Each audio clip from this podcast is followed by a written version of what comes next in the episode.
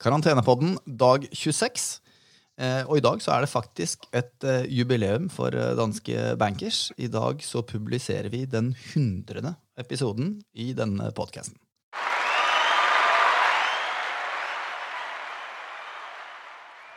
Slikt bør jo feires, og vi skal feire det med å i dag snakke om R-tallet. Vi skal snakke om avtagende fart i aksjemarkedet, og på policy-siden så skal vi snakke om noe negativt.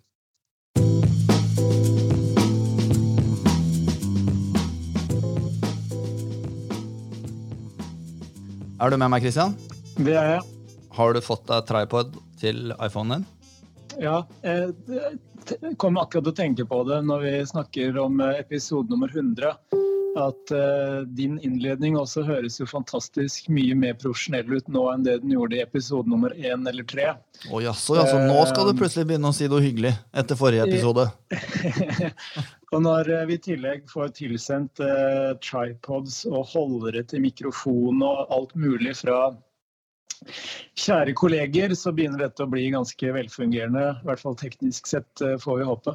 Kommunikasjonsavdelingen som egentlig hadde lyst til å kvele oss fra start når vi starta med den podkasten her. Helt riktig. Som ikke var så veldig gira på at du skulle hete danske bankers heller. vi får veldig mye god hjelp, da. Det er kjempebra. Men Kristian, eh, eh, æretallet?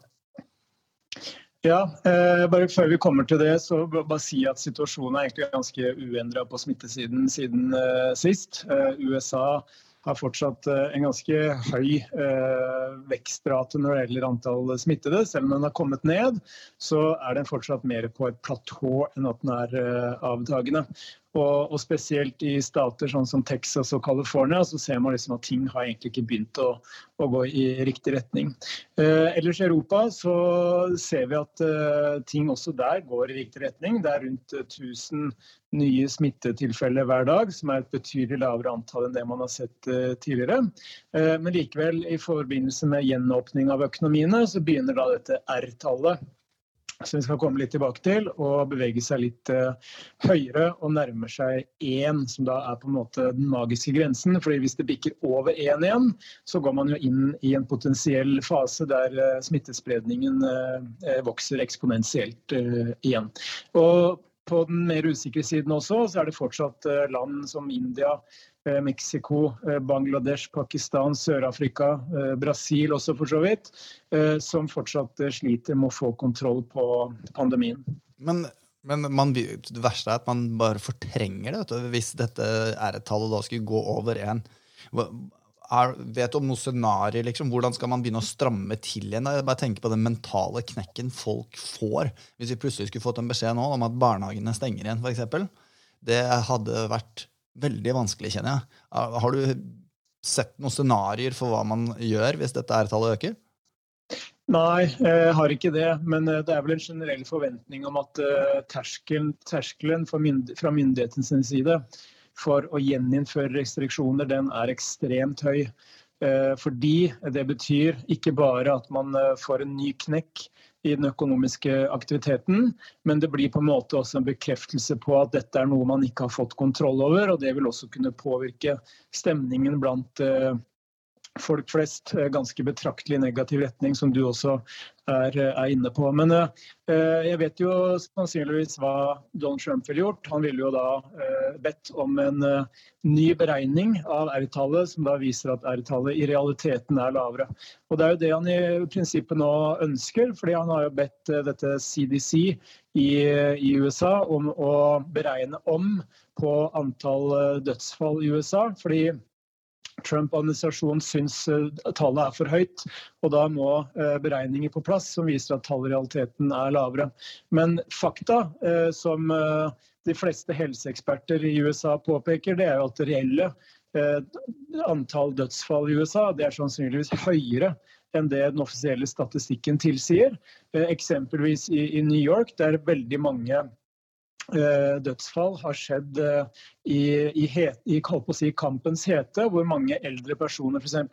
rett og slett ikke rakk å komme seg til sykehus eller fått meldt ifra fordi det var så ekstrem, ekstreme kapasitetsproblemer eh, der.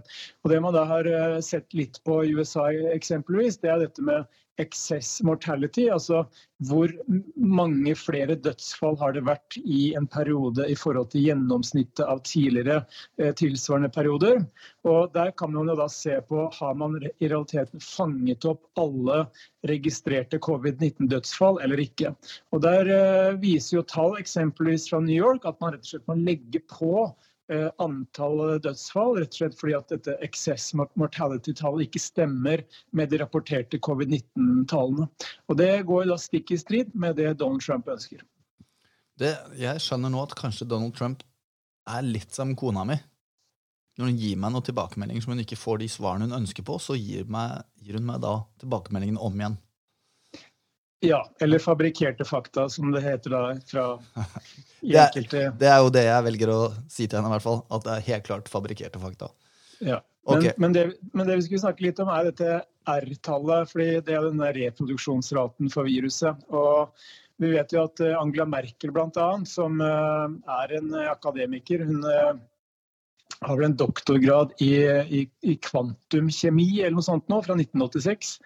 Eh, hun eh, har jo vært en, en eh, talsperson for dette R-tallet, og at det på en måte skal være det, det, viktigste kriteriet for tyskerne, hvorvidt de skal oppnå suksess eller ikke når det gjelder kontroll av, av viruset. Og det som er Utfordringen med dette R-viruset, som ikke bare Angela Merkel, men også veldig mange andre myndigheter forholder seg til og opererer med, det er jo for det første at det utarbeides på ulike måter rundt omkring i de ulike landene. Eh, eksempelvis i Tyskland så bruker man eh, man, man deler antall infeksjoner, nye smittetilfeller, de foregående fire dagene med de fire dagene før det igjen. Uh, mens andre steder så bruker man annen metodologi. og Det betyr at R-tallet mellom ulike land ikke nødvendigvis kan, kan uh, sammenlignes. Det som også er en utfordring, det er jo at i prinsippet så kan man ha eh, en avtagende smittevekst i befolkningen som helhet. Men hvis man eksempelvis får en oppblussing i et lite område, eh, eksempelvis som man har sett i, i sånne meatpacking-fabrikker, altså kjøttprodusentområder i USA, så kan det trekke R-tallet opp for den samlede befolkningen, selv om det er konsentrert blant en veldig liten del av befolkningen. Så dette R-tallet skal man i utgangspunktet ta med en liten eh, klype salt, både fordi det beregnes på ulike måter, men også fordi det ikke nødvendigvis forteller oss noe som vi skal generalisere. Nei, Men det kan jo også si da at uh, R-tallet makes no sense hvis ikke uh, testingen også gjøres med samme utstrekning de forskjellige stedene.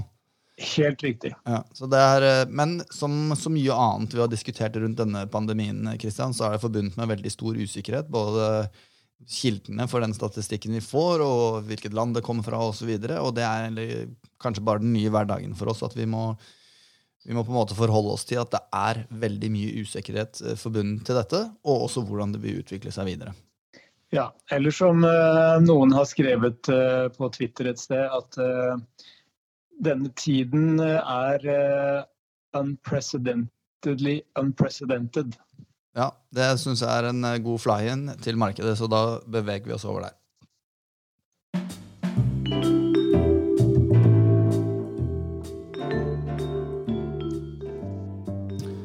Og det later til, i hvert fall de siste par dagene, at markedet også begynner å ta inn over seg hvor mye usikkerhet som er forbundet med det her.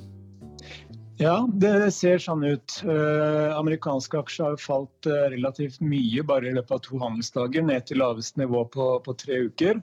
Vi ser Oslo Børs er ned et par prosent eh, i dag, sammen med Europa. Eh, og det, det, som mangler, er nok nye kall det, positive drivere. Eh, fordi nå vet vi omfanget av stimulansene. Det er relativt liten sannsynlighet for at det kommer nye omfattende stimulanser, i hvert fall på kort sikt. Eh, og det var jo noe den amerikanske sentralbanksjefen også var inne på i går. Eh, han sa riktignok at det kan være på sin plass med økte finanspolitiske stimulanser, men han sa ikke noe om at det kan komme noe mer fra den amerikanske sentralbanken i form av pengepolitikk. I tillegg så er det økt usikkerhet rundt uh, smittespredning og hvor lang tid det vil ta før økonomien henter seg inn igjen. Og Det var nok også noe av det som skremte investorene i går, når Jerome Powell, som da er den amerikanske sentralbanksjefen, uh, var ganske tydelig på at en økonomisk normalisering kan ta eh, ganske lang tid. Eh, og Det er jo da litt i stikk i strid med det signalet man eh, egentlig har fått fra aksjemarkedet den siste tiden, siden bunnen 23.3. I tillegg er det også økt spenning mellom USA og Kina. Jeg sitter og leser på, på Reuters-terminalen her nå at Donald Trump uttaler til Fox News at æraen med globalisering er over. Og det er klart at eh, Når man i tillegg vet at eh, Trump eh, mener at Kina skal betale for denne koronapandemien, og det er ganske hyppig gjentatt på Fox News at dette viruset det stammer fra et laboratorium i Kina fortsatt, selv om amerikansk etterretning ikke, ikke finner bevis på det. Så det er klart at dette brygger egentlig opp til noe som ikke er så veldig bra for verdensøkonomien. For noe av det som har drevet velstandsøkningen og, og veksten i verdensøkonomien de siste to-tre tiårene, det er jo nettopp globalisering eh, av økonomien, globalisering av verdikjeder, eh, som gjør at bedriftene kan optimalisere både inntektssiden sin og utgiftssiden sin gjennom f.eks. å plassere produksjon der man kan gjøre det eh, mest mulig rimelig i forhold til de kvalitetskravene man har. Eh, og hvis denne prosessen, både med tanke på proteksjonisme, som vi ser i mange land, ikke bare i USA, samt konsekvenser fra koronakrisen, som kan føre til at selskapene ønsker å knytte verdikjedene tettere eh, opp imot sin egen eh, hovedvirksomhet, sånn lokaliseringsmessig, så kan det bety at vi går mot en situasjon hvor verdikjedene trekkes mer i sånn nasjonal retning, mer enn en sånn global, global, retning. Og det vil alt annet likt kunne trekke den medvinden som det har gitt til verdensøkonomien eh, i feil retning. Ja. ja. nei, Det er jo ikke annet enn å bli bekymra når, eh, når, Trump uttaler seg på den måten der. altså eh, om, om, å straffe en nasjon for, for den krisen her. Jeg forstår ikke hvordan en fremtredende person som, som, det der kan ytre noe sånt noen gang. Men, eh, men Nei, altså Mitt inntrykk er at uh, av alt det som skjer i amerikansk politikk i øyeblikket, så virker det jo som Trump-administrasjonen uh, gjør alt de kan for å flytte fokuset bort fra det ansvaret de i realiteten har, med tanke på å kontrollere viruset, sørge for at uh, liv blir satt foran penger og økonomisk vekst. Eh, og basert på eh, den si, offisielle modellen da, for hvordan dødsfallene vil utvikle seg i USA, så snakker vi om en dobling av dødsfallene eh, til august fra i dag. Og da snakker vi altså om over 160 000 døde i USA, hvis den modellen er riktig. Ja, det er et betydelig tall. Så hva skal policymakerne gjøre, da? Hva, der kan vi snakke om noe negativt, kan vi ikke det? Det kan vi. Eh, og Det mest negative der, det er jo relatert til styringsrenter. fordi Vi vet jo at man har negative styringsrenter i ganske mange land, f.eks. i Japan eller i eurosonen, eh, Sveits osv. Eh, og det er forventninger blant enkelte markedsaktører, eh, og ikke minst Donald Trump, eh, om at også eh, amerikanske styringsrenter skal bli negative. Eh, og det Jerome Powell da sa i går, er at han mener at negative styringsrenter det er ikke passende for den amerikanske eh, økonomien. Og så er det da veldig mye skriverier om fordeler og ulemper rundt negative styringsrenter. Men det eh, som jeg refererte til i min formiddagsrapport i dag, bl.a. Altså sier JP Morgan, eh, ganske anerkjent amerikansk bank, at de mener fordelene med negative styringsrenter vil oppveie eh, ulempene så lenge renten er negativ i en relativt kort periode. Og Det de da peker på blant det er jo at ECB, altså den europeiske sentralbanken, når de innførte negative styringsrenter i 2014, så foranlediget det en ganske kraftig vekst i, i krittgivningen til, til økonomien eh, og til næringslivet. Og Det er jo da noe som kan bidra til at veksten eh, øker, selvsagt. Eh, det de også peker på som et argument, det er jo at eh, når rentene blir negative, altså styringsrenten blir negativ, så vil man få enda lavere og til dels negative renter i pengemarkedet også. Eh, og Det betyr at mange av de pengene som er i pengemarkedet, som nå begynner å nærme seg 5000 milliarder dollar i pengemarkedsfond f.eks. av USA, de vil jo da få et insentiv til å trekke de pengene ut av pengemarkedet og inn igjen i obligasjonsmarkedet, hvor man kan få litt høyere eh, avkastning. Og Når man da får en økt tilstrømning av penger til obligasjonsmarkedene, så betyr jo det alt annet likt at det vil understøtte billigere eh, finansiering for næringslivet.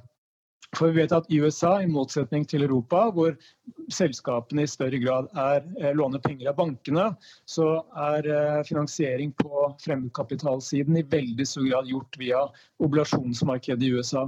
Så hvis da pengene går fra bankkonto eller pengemarkedsfond og inn i oblasjonsfond, eller inn i oblasjoner generelt, så vil dette føre til at man får billigere og bedre tilgang til finansiering hos amerikanske selskaper. Da. Eh, men det er klart at Får man negative styringsrenter i USA, så vil det også få eh, noen eh, potensielt negative konsekvenser. F.eks. så vil det kunne føre til at den amerikanske dollaren eh, svekker seg, hvis man frykter for at eh, også andre, eh, hvis andre land rundt omkring i verden vil følge etter med å senke rentenivået sitt ytterligere ytterligere, så vil det kunne føre til en sånn valutakonflikt eh, nærmest globalt. Men eh, enn så lenge så ser det ikke ut til at vi får negative styringsrenter i USA, selv om eh, det er spekulasjoner rundt det. Ja, helt klart. Vi får følge med. Har du noe du ønsker å plugge, Kristian? Nei. Eh, da, da, jeg må plugge noe. Men uh, nå skal jeg stille deg et digitalt spørsmål. Christian, og Det tar jeg jo egentlig litt som et nederlag at jeg må spørre deg om det. Og hvert fall her på lufta. Går det an å sende meldinger til folk på Twitter? Ja, ja, det gjør det. Ok, ja, men Det er fint, for da vil jeg gjerne ha meldinger. og Dere, dere finner meg på Twitter på at askstensrud. Uh, og der kan dere da gjerne sende meg meldinger på ting dere mener bør legges til eller trekkes ut av denne podkasten. Eller om når den har noen andre tilbakemeldinger, så er det i hvert fall velkommen til å gi det der. Eh, så bare let etter at Ask Stensrud på Twitter. 231 følgere så langt. Så da er det bare å stille meg spørsmål og gi oss feedback. Så skal vi prøve å ta med tilbakemeldingen deres inn i sendingen her. Fredrik? Ja? Jeg vil bare ta med én morsom ting som eh, jeg også kommenterte på i formiddagskommentaren min i dag. At eh, jeg tror du kommer til å synes det er ganske interessant, du som har vært dypt nede i, i makro- og mikroøkonomi tidligere. Eh, men det, det, vi har sett nå rapporter på, det er at enkelte selskaper, når de legger frem kvartalsrapportene sine for første kvartal, så, så rapporterer de ikke bare på EBIT-DA, men de rapporterer på EBIT-DAC. Og det er da altså uh, earnings before interest, taxes, depreciation, amortization and coronavirus. Og ja, det, som da er det morsomme med det, det er at en del selskaper de eh, velger nå å på en måte inkludere inntjening som de antar de ville ha fått dersom koronakrisen ikke hadde skjedd. Og da begynner jeg å få sånne 1999-vibber. Det er helt nydelig. Det er en rimelig øh verdsetting av selskapene, Kristian. Det er det. Ja. Nei, men du, da syns jeg du bare skal ta en god helg, Kristian, og så snakker jeg med deg igjen på tirsdag. Det gjør vi.